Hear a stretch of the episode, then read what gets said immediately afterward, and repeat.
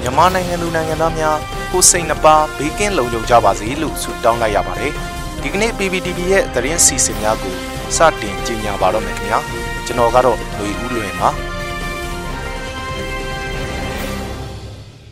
ပထမဆုံးအနေနဲ့ပြည်ထောင်စုလွှတ်တော်ကိုစားပြုကော်မတီ CRPH နဲ့ဩစတြေးလျလွှတ်တော်ကိုယ်စားလှယ်များတွဲဆုံ၍လွှတ်တော်နှစ်ရက်အကြားပူးပေါင်းဆောင်ရွက်နိုင်ရေးကိစ္စရပ်များကိုဆွေးနွေးခဲ့တဲ့သတင်းကိုတင်ဆက်ပေးမှာဖြစ်ပါတယ်။ CRPH ဥက္ကဋ္ဌဦးအောင်ကြည်ညွန့်ဦးဆောင်သောပြည်ထောင်စုလွှတ်တော်ကိုစားပြုကော်မတီဝင်များဟာဩစတြေးလျနိုင်ငံလွှတ်တော်ကိုယ်စားလှယ်များနဲ့2021ခုနှစ်ဇွန်လ24ရက်နေ့မှာတွေ့ဆုံခဲ့ကြပြီးဩစတြေးလျလွှတ်တော်နဲ့တတိယအကြိမ်ပြည်ထောင်စုလွှတ်တော်တို့အကြားထိရောက်စွာပူးပေါင်းဆောင်ရွက်နိုင်ရေးကိစ္စရပ်များကိုဆွေးနွေးခဲ့ကြပါတယ်။ဆွေးနွေးပွဲမှာပြည်ထောင်စုလွှတ်တော်ကိုစားပြုကော်မတီဥက္ကဋ္ဌဦးအောင်ကြည်ညွန့်က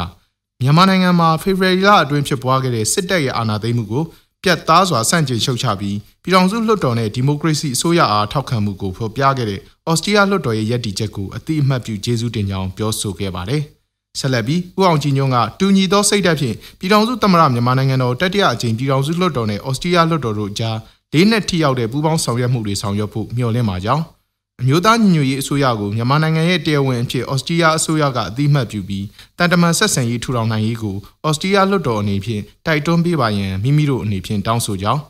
လာမယ့်စက်တင်ဘာလမှာကျင်းပမယ့်ကုလသမဂ္ဂအထွေထွေညီလာခံမှာမြန်မာနိုင်ငံရဲ့တရားဝင်ကိုယ်စားလှယ်အဖြစ်ကုလသမဂ္ဂဆိုင်ရာမြန်မာနိုင်ငံအမြဲတမ်းကိုယ်စားလှယ်တန်အမတ်ကြီးဦးကျော်မိုးထွန်းရဲ့ကိုစားပြုမှုကိုဆက်လက်ထောက်ခံပေးရန်တောင်းဆိုကြောင်းတို့ကိုထည့်သွင်းပြောဆိုသွားခဲ့ပါတယ်။ထို့နောက်ပြည်ထောင်စုလွှတ်တော်ကိုစားပြုကော်မတီနဲ့အမျိုးသားညီညွတ်ရေးအစိုးရတို့ရဲ့အခမ်းကဏ္ဍ မြန်မာနိုင်ငံရဲ့လုံခြုံရေးနဲ့လူသားချင်းစာနာထောက်ထားမှုဆိုင်ရာအခြေအနေများအာဆီယံရဲ့ဂျောင်းဝင်စေ့စပ်ညှိနှိုင်းမှုအခမ်းကဏ္ဍနဲ့ဘာသာရေးလူနည်းစုများရဲ့အခွင့်အရေးများစတဲ့အကြောင်းအရာများကိုဆွေးနွေးခဲ့ကြပြီးဩစတြေးလျလွှတ်တော်ကိုယ်စားလှယ်များဘက်ကလည်းပြည်ထောင်စုလွှတ်တော်ကိုစားပြုကော်မတီရဲ့တောင်းဆိုချက်များကိုအလေးအထားစဉ်းစားသွားမည်ဖြစ်ကြောင်းနဲ့ပုံမထိရောက်သောဆွေးနွေးမှုများပြုလုပ်နိုင်ရန်အတွက်ထပ်မံတွေးဆုံသွားမည်ဖြစ်ကြောင်းတို့ကိုပြောဆိုခဲ့ကြတယ်လို့သိရပါတယ်ခင်ဗျာ။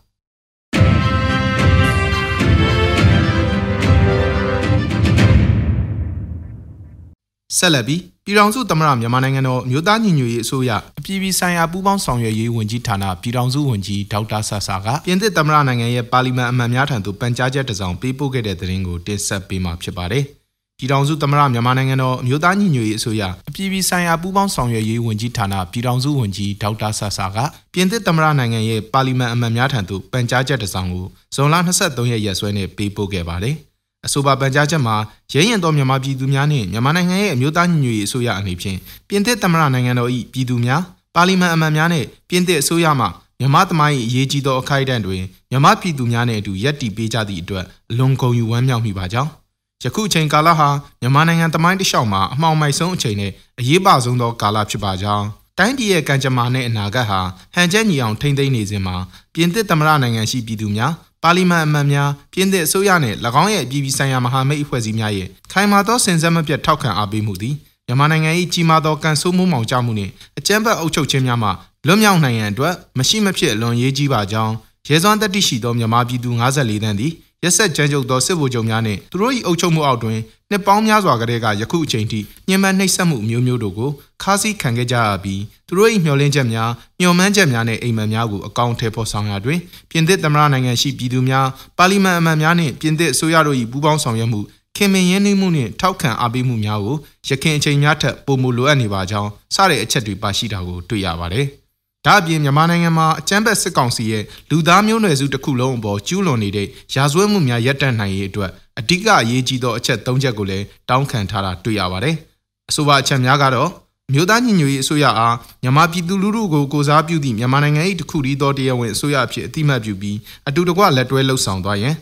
ကြီးထွားလာနေသောလူသားချင်းစာနာထောက်ထားမှုဆိုင်ရာအကြက်တဲကိုကူညီဖြည့်ရှင်းပေးပါရန်နဲ့ နိုင်ငံတကာအတိုင်းဝိုင်းအနေဖြင့်စစ်ကောင်စီ၏ငွေကြေးစီးဆင်းမှုများအားပို၍ဖိအားပေးခြင်းဖြင့်ကူညီကြပါရန်တို့ဖြစ်ကြပါတယ်ခင်ဗျာရေတော်ဘုံအောင်ရမည်ရေတော်ဘုံအောင်ရမည်